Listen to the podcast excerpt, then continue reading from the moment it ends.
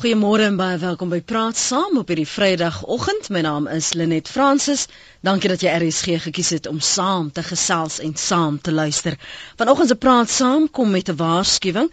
Dit kan ontstellend wees vir sensitiewe luisteraars wat al die trauma meegemaak het en dit kan soms ook grafies raak. Maak asseblief 'n ingeligte keuse of jy daarna wil luister.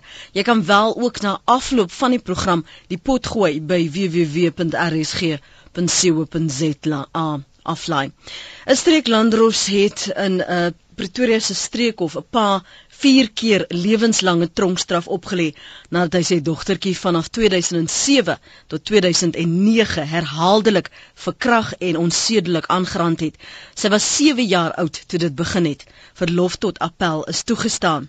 In praat saam kyk ons vanoggend na die pad van genesing vir slagoffers van bloedskande as ma of pa hul lyfies en hul vertroue verkrag word hulle ooit weer heel.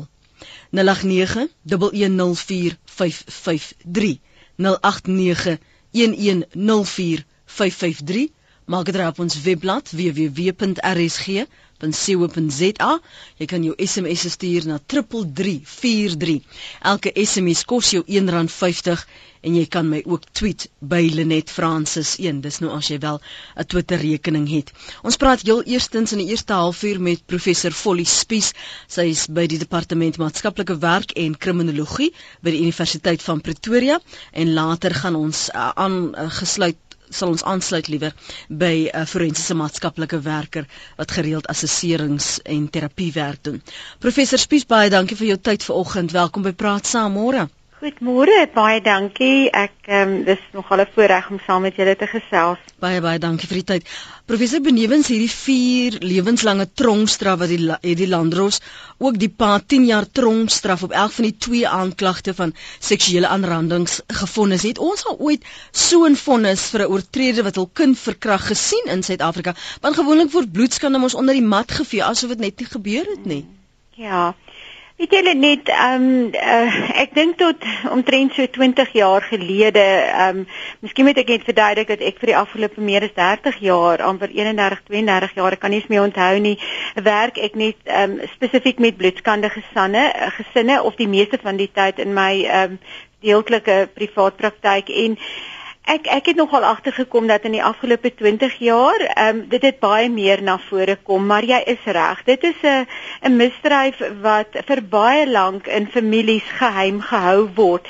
En dit is baie interessant. Dit is nie net altyd die oortreder wat dit geheim hou nie, maar dat die kind self dit ook geheim hou of verkies om dit geheim hou of die hele gesin soms. Jy weet, dit is ongelooflik as jy met hierdie families begin werk dat jy agterkom selfs vir die oorlewing, vir die skande wat hieraan en die die uh, etikette wat hieraan ge, geheg word wanneer dit oopkom dat mense soms nie kans sien daarvoor nie. En dit is een van die redes is hoekom dit ehm um, jy weet so geweldig onder die dekmantel gehou word en nooit uitkom nie. Mm. baie keer kom dit uit wanneer daar 'n ander krisis in die gesin ontwikkel.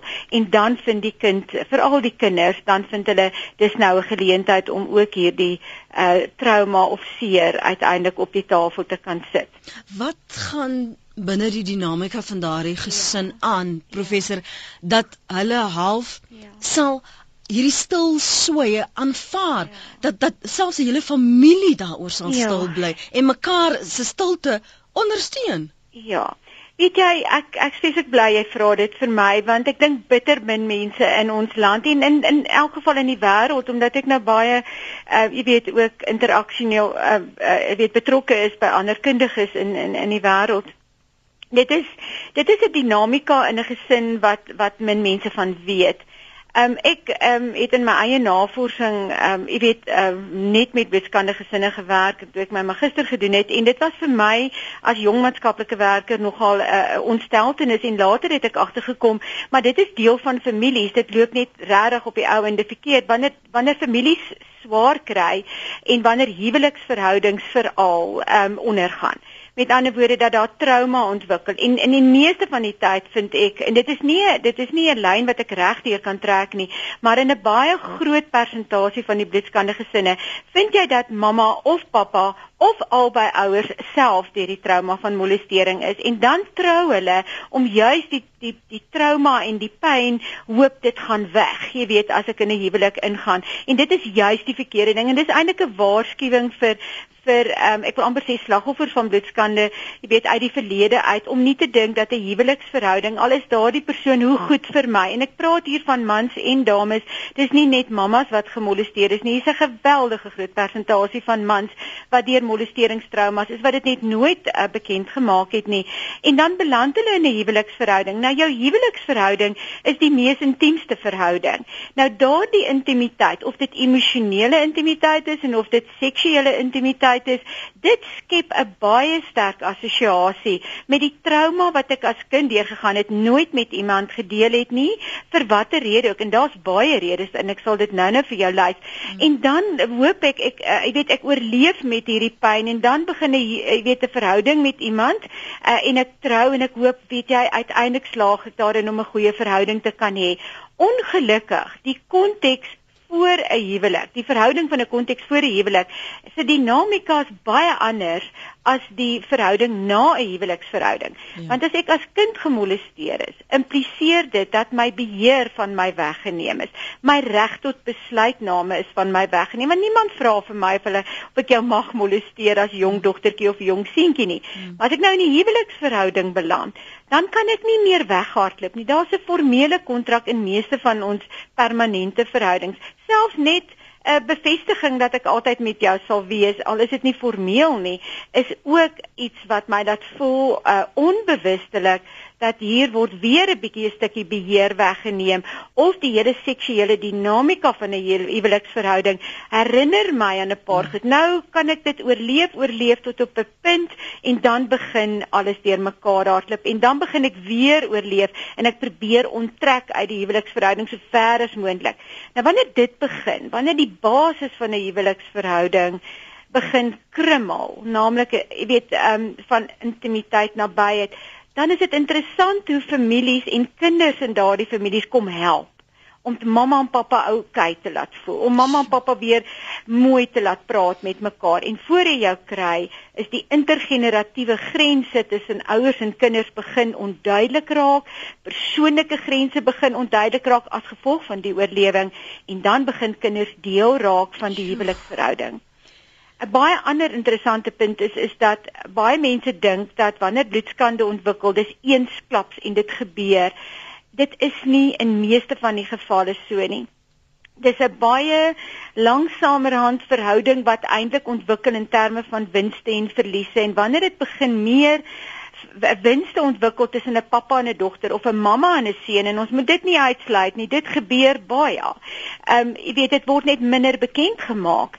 Ehm um, dan begin daar winste in 'n verhouding kom en mamma tree al hoe meer uit want sy kan nou oorleef want pappa en 'n dogter is baie meer in mekaar se geselskap. Ek hoef nie meer so prominent te wees nie. Ek kan asemhaal en wanneer die funksie van daardie verhouding ook die funksie van die huweliksverhouding oorneem, so daardie onaanvaarbaar. So daardie kind raak 'n die dogtertjie raak 'n plaasvervanger hey, vir die ma. Absoluut. En weet jy die die die seer daarvan is ons kan nooit ooit die verantwoordelikheid vir 'n kind se deurplaas om te weet wat gebeur nie. Ons kan nie vir 'n kind ooit sê maar jy kon vir mamma gaan sê dit nie.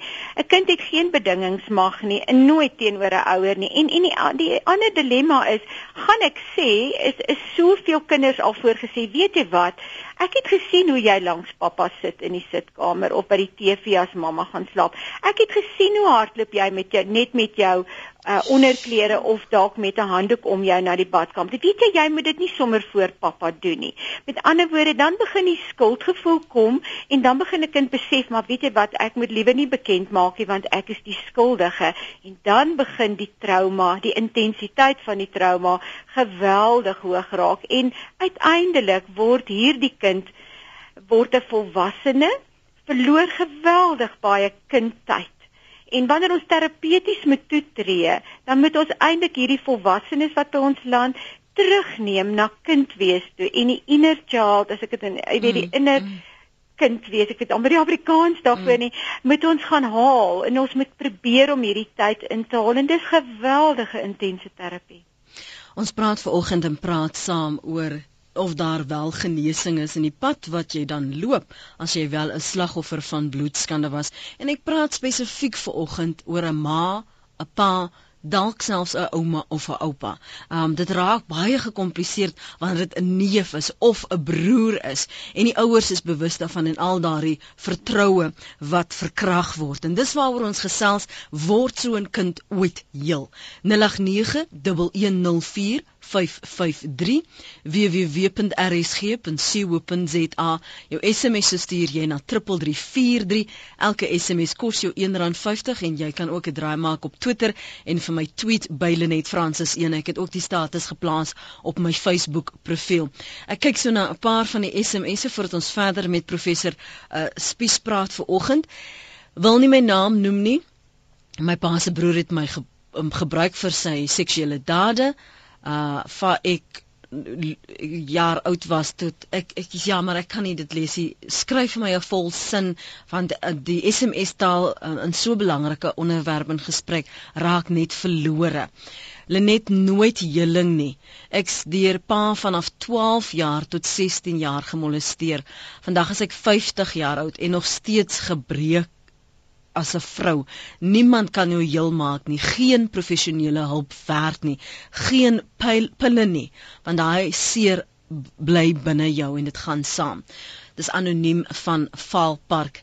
Dan skryf 'n ander een ek persoonlik dink daardie kind sal nooit weer normaal in aanhalingstekens kan leef in die gemeenskap nie want haar pa mag in 'n staatstronk wees maar daai meisie se woonplek het ook 'n tronk vir haar geword en dis Dion Alexander van King William staan. Ek hou van hierdie verwysing na die woonplek, die slaapkamer, jou lyf wat 'n tronk raak, professor Spies. Ja.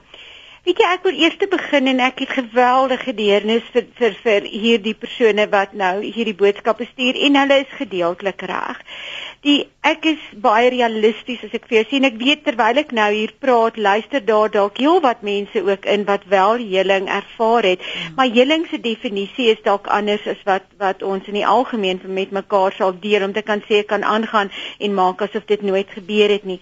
Heling vir my is dat ek nie die molestering of die bloedskande trauma kan uitvee nie, maar nooit nie. So ek moet my kliënt of my pasiënt help om op die ou einde daai pyn so te beheer dat ek 'n sinvolle lewe kan hê. En ek weet dat daar mense is wat dit ervaar. Vir die afgelope 30 jaar weet ek met die mense waarmee ek gewerk het dat daar op en af uh, uh, situasies is. Soms gaan dit met my goed en soms gaan dit nie met my goed nie. Maar wat wat pasiënte uiteindelik leer of of uh, mense ek wil graag na hulle eintlik net verwys as mense is dat hulle ontdek wat maak my seer en ek begin beheer kry daaroor. Ehm um, as iemand vir my sê ek het soveel terapeute gehad ensovoorts, ek ek kan nie daarvoor instaan nie.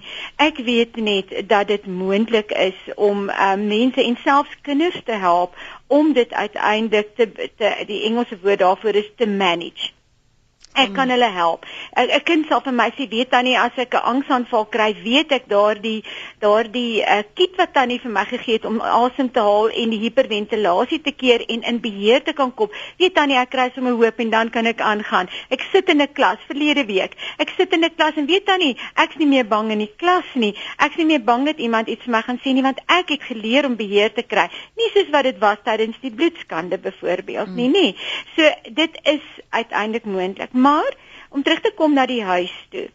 Dit is een van die redes waarom eh, slagoffers van van bloedskande benoud raak in hulle eie huise. Want baie keer lyk hulle huise ook soos hulle ouer huise. Want mens leer mos in jou ouer huis hoe om 'n huis mooi te maak mm, of mm. hoe funksioneer ons daar. Yeah. Ja. En dan begin 'n assosiasie skep in my eie huis wat ek skep word weer eens 'n tronk en dis hoekom ek benoud is en vlug daaruit my lyf, dit was dis myne. Niemand het gevra mag hulle nie. Dis waar die die ehm um, reg tot besluitname wegkom en dit is hoekom ons ook baie keer by veral ons jong slagoffers wat nog nie hulp ontvang het nie baie destruktiewe gedrag kry om my eie lyf seer te maak. Ons vind dit soms by jong kinders onder die ouderdom van 12 waar hulle hulle self sal sny. En en eh, en die sny is tweeledig. Die een is ek dit is so moeilik om my emosionele pyn met iemand te deel. Daar's nie woorde nie. Ek weet, ek weet as professionele mens dat ek self soms nie woorde het om vir iemand te sê hoe ek jou seer ervaar nie. Ehm um, en dan as as daar bloed is, dan dan wys dit dan sit 'n ernstige verligting van dis hoe seer dit is. Maar die ander kant is ek is so kwaad vir myself dat ek nie gekeer het nie, dat ek nie weggehardloop het nie, dat ek nie vir iemand gesê het nie dat ek dit verdien om seer te kan kry. So dit dit, dit raak ehm um, selfgesentreerde, self ehm um, destruktief en en dis soms een van die eerste uh, simptome wat ons by tieners kry wat mense soms verander uh, goed ook um, amper half aan koppel. Jy ja. weet wat ek altyd die vraag vra, is daar moontlike molestering? Dis nie altyd so nie, mm. maar dit is nodig om te vra, is daar dalk iets daarvan? En ehm um, ja, en om weer weer te connect met jou lyfie as jong dogtertjie en later as volwassene is nie 'n maklike pad nie. Maar weet jy wat, dit is moontlik. Ek ek kan onomwonde hier waar ek sit eintlik sulke hoendervleis as ek dink aan veel mense deur mm. my terapiekamer is wat heling in 'n mate ervaar het, maar ons kan dit nooit uitvee nie. Kom ons hoor wat uh, een van ons luisteraars sê. Sy uh, is op die lyn. As jy saam wil gesels, kan jy ons bel op 0891104553. Jy kan ook jou SMS stuur na 3343. Elke SMS kos jou R1.50. Ek lees gou vinnig wat Julian skryf. Vanoggend raak jy 'n baie teer saak aan en ek hoop dat baie moeders en ook vaders in sommige gevalle vandag luister. Ek het ook die paadjie gestap en tot vandag weet my ma nog nie van wat het gebeur het nie. Wat ek graag wil weet, ek was in 'n verhouding en het toe uitgevind dat die persoon sy dogter by twee geleenthede gemolesteer het. Die saak is deur 'n maatskaplike werker ondersoek, maar daar het niks van gekom nie. Ek sien wat dit aan haar gedoen het. Sy het geen vertroue in haar pa nie en kan nie goeie goed van hom sê nie, maar hy manipuleer haar. Ons is nie meer saam nie en ek is baie bekommerd oor wat in die toekoms kan gebeur. Wat staan my dan te doen as 'n buitestander? Ons gaan terugkom na hierdie e-pos van een van ons luisteraars. Kom ons gesels met anoniem in die Weskaap. Môre anoniem. Goeiemôre. Welkom. Baie dankie. Dit het met jou gebeur? Ja, nee, dit het met my gebeur. Ek was 10 jaar oud gewees en ehm um, my ma het nie daarvan geweet nie met om ehm um, en of ander rede het het my stiefpa geweet dat ek bang is vir 'n weeshuis en hy het vir my gesê dat as ek dit hulle gaan vertel, dan gaan my ma nie meer lief wees vir my nie en sy gaan my in 'n weeshuis sit. So vir ehm, 'n um, hele paar jaar het hy my daarmee gemanipuleer. En hoe het jy toe vir jou ma gesê of wanneer het dit op die lappe gekom of het jy nog die hele tyd net daarmee saamgeleef? Ehm um, ek het 'n briefie vir haar geskryf en ek het dit weggesteek en sy het latere jare gelukkig nadat hulle uitmekaar uit is en hy dood is, het sy daarop afgekom. So ehm um, maar wat ek in elk geval net vir al die luisteraars wil sê is dat ek het vrygekom toe ek berading gekry het en um, ek verstaan net dat ek was jy weet ek is 'n normale wese ek het um, my liggaam het gereageer en ek het baie baie jare daaroor skuldig gevoel hmm. en ek het vrygekom en dit is net soos 'n sy stokkie wat jy het um, jy proe dit is lekker en um, jy weet jy eet dit so ehm um, daar was van my gesteel gewees en dit was nie my skuld nie vir jare het ek geglo dit was my skuld hmm. Hmm. En het dit die invloed gehad soos professor Spisie op jou ander verhoudings veral as daar seksuele intimiteit moes wees? Ehm um, ek dink daarom gelukkig nie. Ek dink ek het ehm um, daarom gou genoeg hulp gekry as volwassene. Hmm. Ehm um, ek dink dit kan albei kante toe draai en gelukkig vir my het dit na die kant toe gedraai waar ek ehm um, nie myself oorgegee het aan ehm um, allerlei seksuele dinge nie. Ehm um, daarom ek dink my waardes het my daarvan weerhou en die feit dat ehm um, dit jy weet op my afgedwing as by baie jong ouderdom. Ja. Maar ek dink ek is heel normale, ek is 'n getroude vrou en ehm um, my verhouding dink ek is heel normaal. Dankie dat jy volgens geskakel het. Waardeer dit. Baie dankie. Lekker dag. Jy ook daar. As ons terugkom praat ons verder met professor Spies. Ek wil net gou terugkom na 'n ding wat hmm. sy gesê het voor ons 'n blaaskans neem. Ek weet ons moet. Ja. Sy verwys na my liggaam het gereageer. Ek ja. het baie skuldig gevoel. Hmm. As jy kyk na die die hofstukke van die saak waarna ek ver oggend in die inleiding verwys het, het die meisie ook gesê, ek dink sy is nou 12. Daai tydperk het sy spesiaal ge, gevoel ja. daardie seksuele aandag en die vertroeteling die vertroeteling het haar spesiaal laat voel. Hoe verwerk jy dit wanneer jou liggaam is op so 'n ontwikkelingsfase? Ja, ehm um, Lenet weet jy ek, ver, ek gebruik altyd die metafoor veral met kinders is is is dit makliker dat weet jy gedurende hierdie proses of gedurende hierdie trauma gebeur dit dat dat die skuldgevoelens en en en alles wat saam hiermee gaan word 'n pakkie. En baie keer dra jy ook ander mense se pakkies, soos my ma wat weet en en nie altyd wil sê nie want daar's te veel verliese of maar ek hoop my ma weet en en sy weet nou nie en ek voel sleg en dit word my pakkie. Of my, my pa of my stiefpa wie ook al dan nie oortreder is, se se ek wil amper half sê se se verkeerde dade, jy weet onaanvaarbare optredes raak myne. So niemand kyk na daai persoon nie. Ek kry seer en ek ek vat almal se skuld en ek loop uiteindelik met daardie pakkie. Dis die een kant. Die ander kant is ek raak uh, as as sulke goed met my gebeur as gevolg van my skuldgevoelens, voel ek daar's iets fout met my. Hoekom gebeur dit met my? Hoekom staan ek in? En wat ook al. So daar moet 'n goeie rede wees dat dit ek is op die ou einde. En dan en ek dink goed, dis darem 'n vorm van nabyheid. Ek sê darem nie so sleg nie. So uiteindelik voel ek maar daar's ek leer amper al vir alles ek 'n ou kleindogtertjie is. Ek assosieer nabyheid en caring en en en en ehm um, ehm uh, uh, vertroeteling mm. is is deel seksualiteit is deel daarvan. So ek kan begin dit is 'n norm. Dit begin ek aanvaar totdat ek die dag ontdek dit is nie. So dit raak 'n 'n specialness. Mm en ek voel spesiaal mm. en as mamma wegtrek uit die uit 'n in 'n bloedskande gesin mamma uh, weet iets gebeur en sy onttrek want sy weet nie hoe om dit aan te spreek en dan verloor ek mamma se vertroeteling. So hierdie is darem 'n vorm van vertroeteling. Ons moet onthou dat ons as volwassenes vandag en ook die persoon wat nou ingeskakel het waaroor ek baie bly is waar sy is. Ehm um, dat ons redeneer as volwassenes as terapeute ook, jy weet met volwasse bewustheid en dat ons moet kom op die vlak van kinders wat 'n kind op die ouderdom van 5 of 6 of 7 kon dink.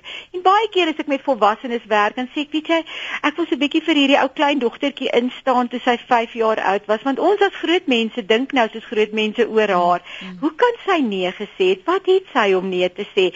Wie gaan haar hoor ensovoorts?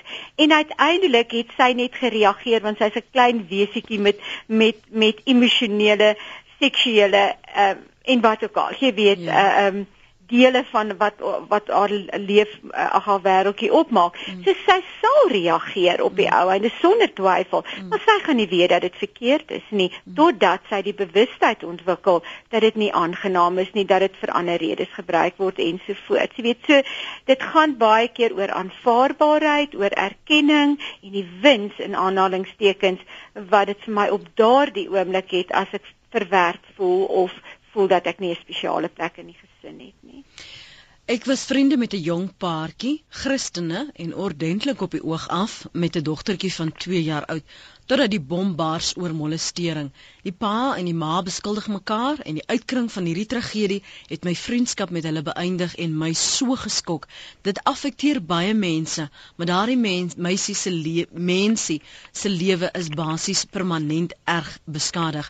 Ons praat ver oggend oor bloedskande en ons vra daardie pad van genesing wat slagoffers van bloedskande moet loop as ma of pa hulle lyfies en hulle vertroue verkrag of hulle werklik waar ooit weer weer heel word.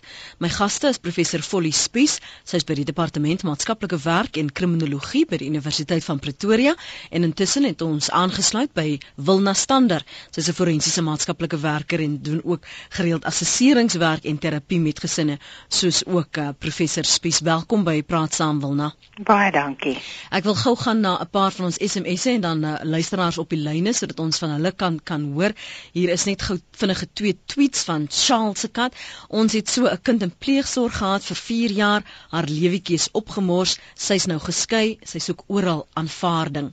Visser for Life sê ouers wat hulle kinders molesteer is siek. Daai arme kinders vergeet nooit daarvan nie. Kom ons gaan na die lyne toe. Um, ek wil net sien op watter lyn is anoniem. Sy's op lyn 2 in Johannesburg. Goeiemôre anoniem. Goeiemôre Lenet. Baie baie dankie vir hierdie ehm um, gesprek vanoggend. Dit, dit ek ek is seker ek gaan baie baat vind hieruit. Ek is die ma van 'n dogter wat deur haar stiefpa verkrag was vir 'n paar jaar en uh, my dogter het my, my beskerm. Kan jy glo? Uh, sy was so gemanipuleer geweest deur haar stiefpa dat dat sy gevoel het sy beskerm my om my nie daar da, da, daarvan te vertel nie. Ehm um, van vandag uh, jy weet ek, dis al baie jare gelede wat ek dit uitgevind het hmm. en ek voel uh, ek sit met hierdie selfverwyd. Ek is 'n slegte ma. Hoekom het ek nooit daai tekens raak gesien nie? My, toe my kind my op die nodigste gehad het, was ek nie daar vir haar nie want ek het dit dood eenvoudig nie, nie gesien nie. Ehm um, maar die, aan die ander kant van die draad is my my kind is vandag 'n volwasse dame.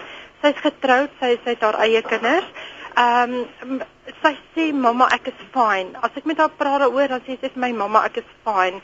Maar my kind het haar toevlug gevind in kos. My kind is hierdie geweldige oorgewig mensie. Sy is die lieflikste mens. As ek elke keer as ek met haar praat en sê my kindjie, gaan sien 'n sielkundige dat jy oor hierdie dinge kan kom en sê sy vir my mamma ek sien nie kans om daaroor te praat nie. Asseblief los dit net. Hoe hoe gaan ek te werk as moeder om om my kind te kry om heel te word? Dit is my dit dis my grootste ding. Ek wil my kind net weer heel hê vandag. Anoniem, ek gaan jou vra om by die radio te luister. Ons gaan nog 'n oproep neem en dan gaan ek vir al twee gaste vra om by die punt stil te staan want dit is die fokuspunt van vanoggend se gesprek of 'n mens heel kan word aan die einde van van sulke trauma. So dankie dat jy ingebel het vanoggend. Baie dankie. Totsiens. Totsiens. Kom ons praat gou met Anoniem 2. Uh, anoniem 2 is in Mpumalanga. Môre. Uh, Goeiemôre Lenet. Ag jong, ek wil net vanoggend sê al hierdie simptome is waar van kleindogter af. Ehm um, het dit ook al met my gebeur en daar's net nooit regtig hulp nie tot ek by 'n sielkundige uitgekom het wat my gehelp het om 13 jaar gelede. Ehm um, dit het baie beter gegaan, maar mens val altyd weer terug in daai depressies en daai seer en 'n uh, mens kan dit net nooit regtig van 'n mens se gewete afkry nie. En uh, ek het omtrent 5 jaar gelede by 'n psigiater uitgekom wat vir my wonderlik gehelp het. Antidepressante is nie net altyd 'n antwoord vir dit nie, want 'n plaaslike dok dokter en sielkundige dink hulle kan help. Ek het by hierdie psigiater uitgekom, mag ek maar sy naam nee, noem? Nee. Goed, ek het by die psigiater in uh, deur Denmark by hom uitgekom van Pretoria en hy uh my gediagnoseer as bipolêr want dit is iets wat van kleins af kom wat ek anoniem anoniem Ja. En, uh, luister net vir my verder by die radio asseblief. Baie dankie. Kom ons staan by uh, die die gesprek waar baie van die luisteraars vra kan ek genees? Hier skryf iemand, ek wens my ma wat altyd RSG luister, luister na die program, maar sy sal net nie die, sy sal net die radio afskakel om die skande te ontken. Dis 'n SMS van anoniem. Hoe hoe genees jy? Ehm um, wil net jy praat en sien elke dag kinders en jy jy ken hierdie selfverwyd waarmee sommige ma's worstel en die skuldgevoelens van die kind. Ja. Weet jy ek wil net daar is daar sekere aspekte wat ek dink belangrik is vir die luisteraars om te verstaan. Weet jy baie mammas weet nie daarvan nie. Daar's 'n algemene persepsie dat die ma's weet. Daar's regtig ma's wat nie weet nie. En vir daai mammas om te besef en dit dan uit te vind is 'n geweldige skok. En die trauma wat hierdie mense leef om te weet maar weet jy wat my kind is gemolesteer deur haar eie pa of deur haar stiefpa of deur die ma se saamleefmaat is geweldig vir hierdie ma om te kan verwerk. Hulle almal sukkel met gevoelens van skuld. Hulle almal voel verantwoordelik vir wat hierdie kind deurgaan en selfverwyd Maar wat ek net wil sê is daar is baie hoop want wanneer 'n kind ondersteun word deur haar ma in hierdie hele proses, is daar ongelooflike heling. Ek glo 'n ma versnel die helingsproses, vergemaklik die helingsproses en ek wil amper sê dat sonder 'n ma is dit geweldig moeilik om deur hierdie pad van genesing te loop. En as ma die oortreder is? Dit is 'n ander tamaletjie en dit is 'n ongelooflike pynlike konsep vir 'n kind om te kan verstaan, maar ek glo wel deur terapie hmm. en deur 'n substituut ma kan 'n kind heel word en kan 'n mens heel word. Daar's altyd hoop en ek glo soos wat die ander dame gesê het, daar's verskeie professionele persone wat kan help, multiprofessionele spanbenadering dink ek sou hier baie goed wees. Mm. So daar is verskeie mense wat kan help. Ehm um, en ek dink wat belangrik is is om te besef dat jy gaan altyd moet by 'n beraader wees ehm um, wat jou help wat deur die moeilike eise en die moeilike dinge van die lewe saam met jou loop. Hmm. So daar gaan tye wees wat jy voel maar weet jy ek het nou weer ek gaan nou weer in 'n gat en nou moet ek weer hulp kry. Maar en dit is oukei, okay, dis reg so. Hmm. Jy mag dit doen. En ehm um, ja, so ek dink ehm um, die pad van genesing is daar en daar's altyd hoop. Hmm. Ek glo daarin. Ja, asseblief hier inkom. Mm. Ek dink ehm um, wat Wilna daar sê is en, en ek ondersteun haar soos ek vroeër in die program gesê het, daar's regtig hoop. Hoop, die definisie van hoop verskil van persoon tot tot persoon uh, in terme van wanneer hierdie ehm um, molestering plaasvind of bloedskande uh, binne watter konteks dit plaasvind het en ook wanneer die wat was die ondersteuningsstelsels ook jy weet tydens die uh, bekendmaking daarvan wie wie het hierdie kind ondersteun. Dit bepaal altyd die helingsproses. Die heel eerste ehm um, ek wil amper sê reaksie aan wie die kind dit bekend maak bepaal grootendeels hoe intens hierdie helingsproses gaan wees en hoe suksesvol op, op die ou ende ook. Maar daar's een aspek wat ons ehm um, nie buite rekening moet laat nie. En wanneer 'n kind in 'n gesinssituasie ehm um, deur iemand gemolesteer word, uh, sal kinders baie keer dink maar die die een persoon wat my eintlik moet beskerm en, en ek dink ek praat uit die perspektief van 'n kind uit is mamma en mamma waar is jy? So ons moet ook onthou dat kinders baie keer nie nie met hulle mamma se pad wil loop in die begin nie. En ek noem in die begin nie. Want Mamma ek skwaad vir jou want my kop sê vir my jy moes daar gewees het. So vir 'n baie lang tyd kan dit wees dat die kind selfs nie vir mamma in die proses wil inbring nie want want ek want want jy het my nie vertrou nie. Hoekom sal jy ek weet jy het my nie beskerm nie. Hoekom mm. sal ek jou nou vertrou? Mm. En dat ons as as uh, professionele persone bewus moet word van hierdie dinamika en 'n kind help om oor hierdie bruggie te kan kom en te, en te verstaan op die vlak van 'n kind wat het hier gebeur dat mamma regtig nie geweet het nie. Ehm um, dit geld vir ons as terapeute ook wanneer ons met hierdie kinders werk en volwassenes dat vertroue 'n baie belangrike aspek is en dit het nogal lank vat vir mense om werklike vertrouensverhouding met 'n volwassene wat die terapeut ook is mm. uiteindelik op te bou. So ek het geweldige waardering en en deernis dat mense baie stadige pad moet stap en nie sê maar jy weet mamma ehm um, was eintlik altyd nog daar en sy's baie lief vir jou. Die die definisie van liefde maak dan nie vir 'n kind sin nie, want jy was dan saam met my in hierdie gesin. Jy moes mos gesien het. Ja. Moet net onthou dat 'n kind op daardie vlak ook kan kom. Ek is 68 jaar oud en het nog nooit vergeet wat met my gebeur het van 8 tot 13 jaar nie. Dit het draagliker geword, maar vergeet nooit. Hmm.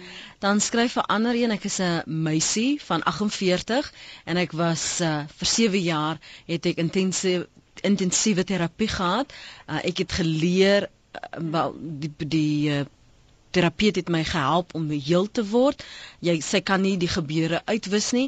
Ek sal altyd 'n gerehabiliteerde, vernielde kind wees, maar ek het geleer om myself te beskerm en om perfek te funksioneer te midde van al die seer. Dit vat jare en en daar is geen quick fix nie maar dis moontlik. Dit vat net goeie leiding wen God se hand. En ons ek so aarzelend was dis net omdat die uh, SMS in drie brokke hier aangekom het en ek het net die nommer geprobeer soek om die paar sinne aan mekaar te las. Ons gaan na anoniem in Pretoria wat vir ons aanhou. Môre anoniem? Goeiemôre. Jy het ook 'n storie van hoop sê jy. Ek het 'n storie van hoop vanmôre en ek wil vir die mense vanoggend sê daar is vergifnis, daar is genesing en jy kan thrive in plaas van survive. Um luister vanmôre wat professor Spies sê, gaan dink daaroor. Ek is deur duisende terapeute, duisende medikasies, duisende keer geseker gediagnoseer. Maar ek sê jy môre na 3 jaar het ek 'n suksesvolle huwelik, 'n suksesvolle besigheid. Um net omdat ek aanhou soek het, moenie ophou vanmôre nie. Daai ou het vir jou verliese gegee, maar jy kan die keuse maak en opstaan en aangaan met jou lewe en vergewe.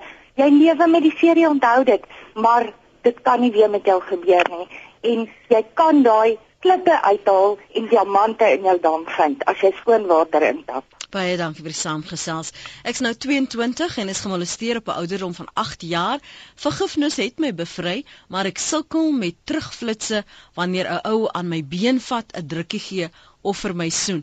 Julle het vroeër het ons gepraat oor die assosiasie uh, van seksuele ontwaking wat gemaak is op 'n op 'n jong ouderdom as as 'n kind en dat jy dit half deurdra op 'n na 'n volwasse ouderdom. Hoe bestuur jy dan dit professor Spies?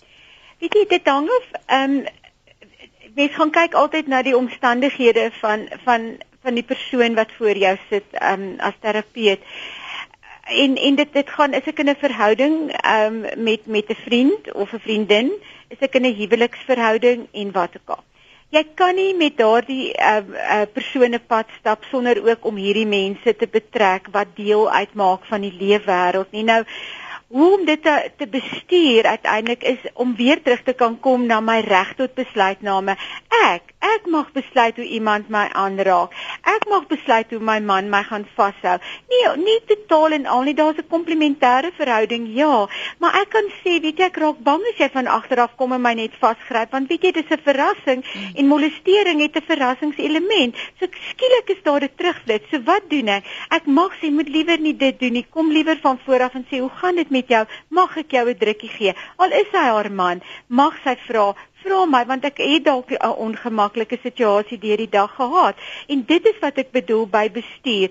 Ek ek voel net ons die die persone moet weet en dit is wat die vorige persoon wat nou ingeskakel het gesê het om weer te leer ek het die reg om myself te bemagtig en ek het die reg om grense daar te stel maar nie sodanig dat ek mense uitskakel nie so dis 'n baie fyn balans mm. maar dit is deel van die helingsproses geen terapeut weet en ek ek wil onvol ek wil onvol jy weet um, volkome dit sê nie een van ons weet presies hoe 'n helingsproses gaan gaan vorder en en hmm. ontwikkel nie.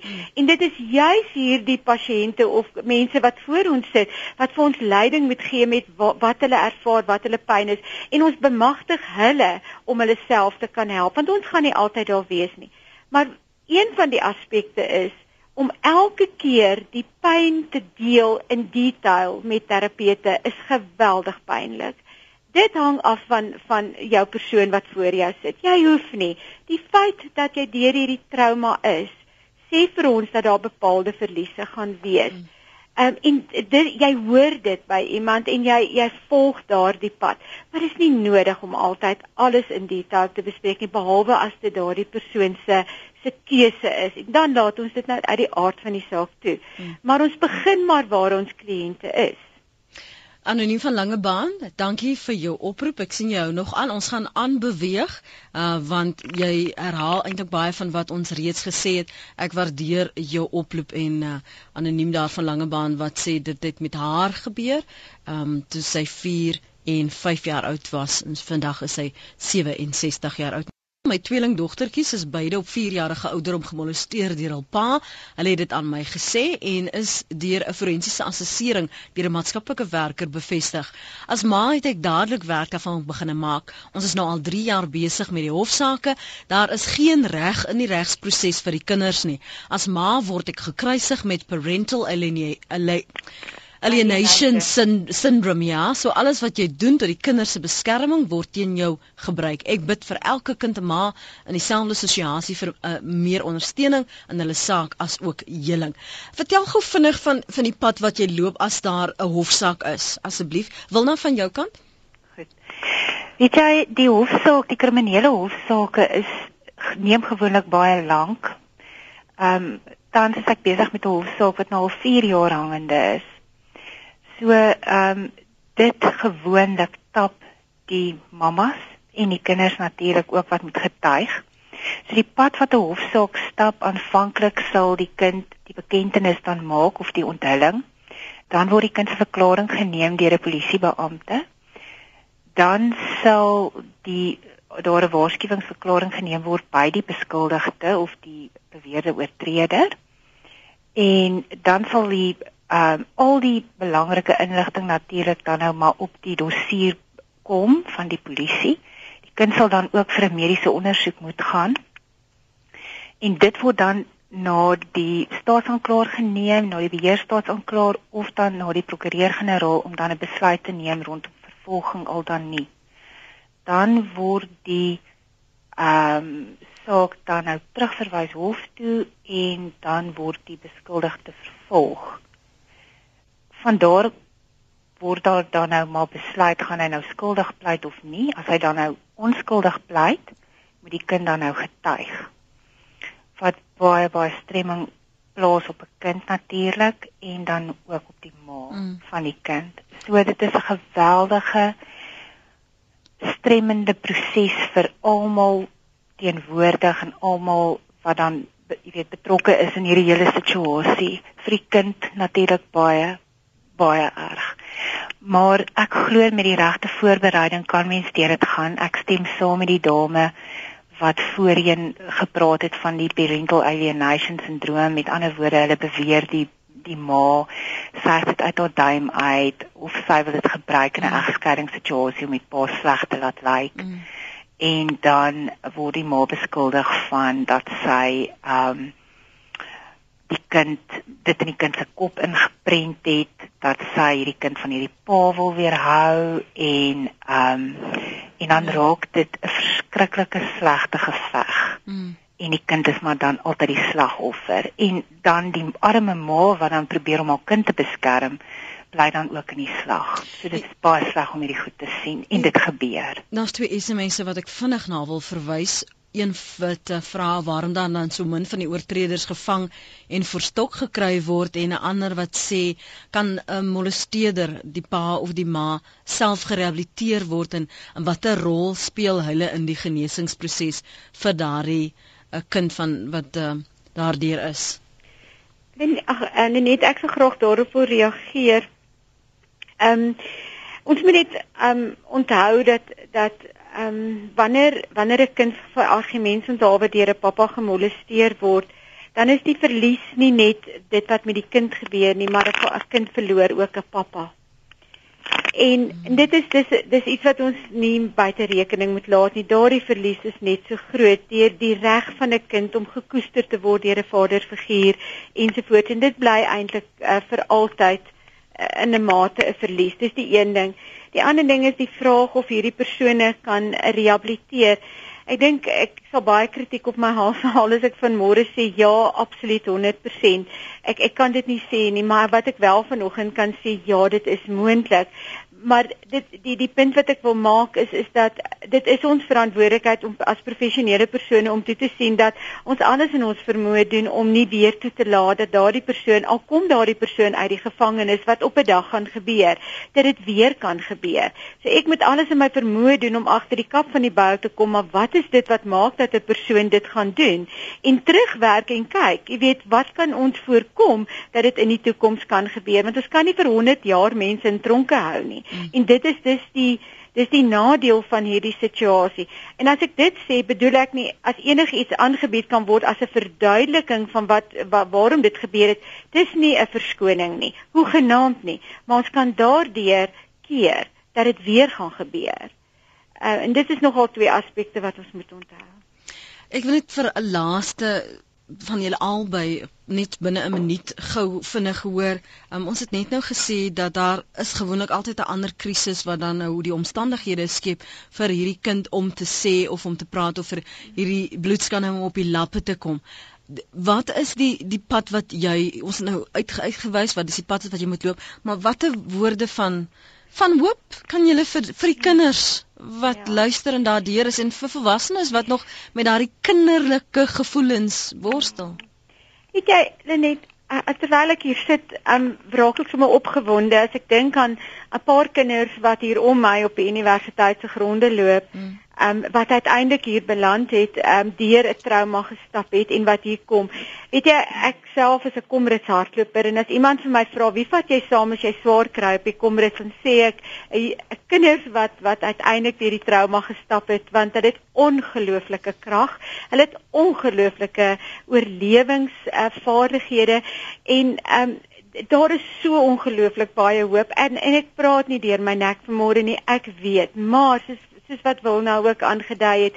Dis nie 'n maklike pad nie, hmm. maar dit is 'n dit is 'n verrykende pad om te gaan haal wat iemand gedink het hulle het weggevat van my vir altyd. Dit is nie so nie. Daar is 'n wyse, daar is deur hulpverlening. Ons gaan haal weer daardie goed. Al is dit nie 100% volkome nie, maar kry 'n geleentheid om dit te gaan terugneem want dis myne. Dit was spesiaal myne. En dan praat ek hier van my vertroue in mense, my grense wat vernietig is wat ek weer kan regmaak, my eie seksualiteit, my reg tot besluitname, mm. want dit is die groot verliese wat kinders gelei het. Maar daar's baie hoop en en ek weet dit. Uh, binne 10 sekondes van jou kant wil na. Weet jy, ek wil net sê om te besef dat hierdie genesingsproses tyd vat. Ja. Daar gaan goeie dae wees, daar gaan slegte dae wees. Ja. En ek sê deur pyn kom groei en dit wat jou nie doodmaak nie, maak jou net sterker. So daar is hoop en hulle gaan deur dit kan Baie dankie vir julle tyd vanoggend op praat saam. Lekker week verder naweek ook wil na stander en professor Folly Spiesen soos ek vroeër gesê het, jy kan weer luister na die herhaling van vanoggend se program by www.rsg.co.za.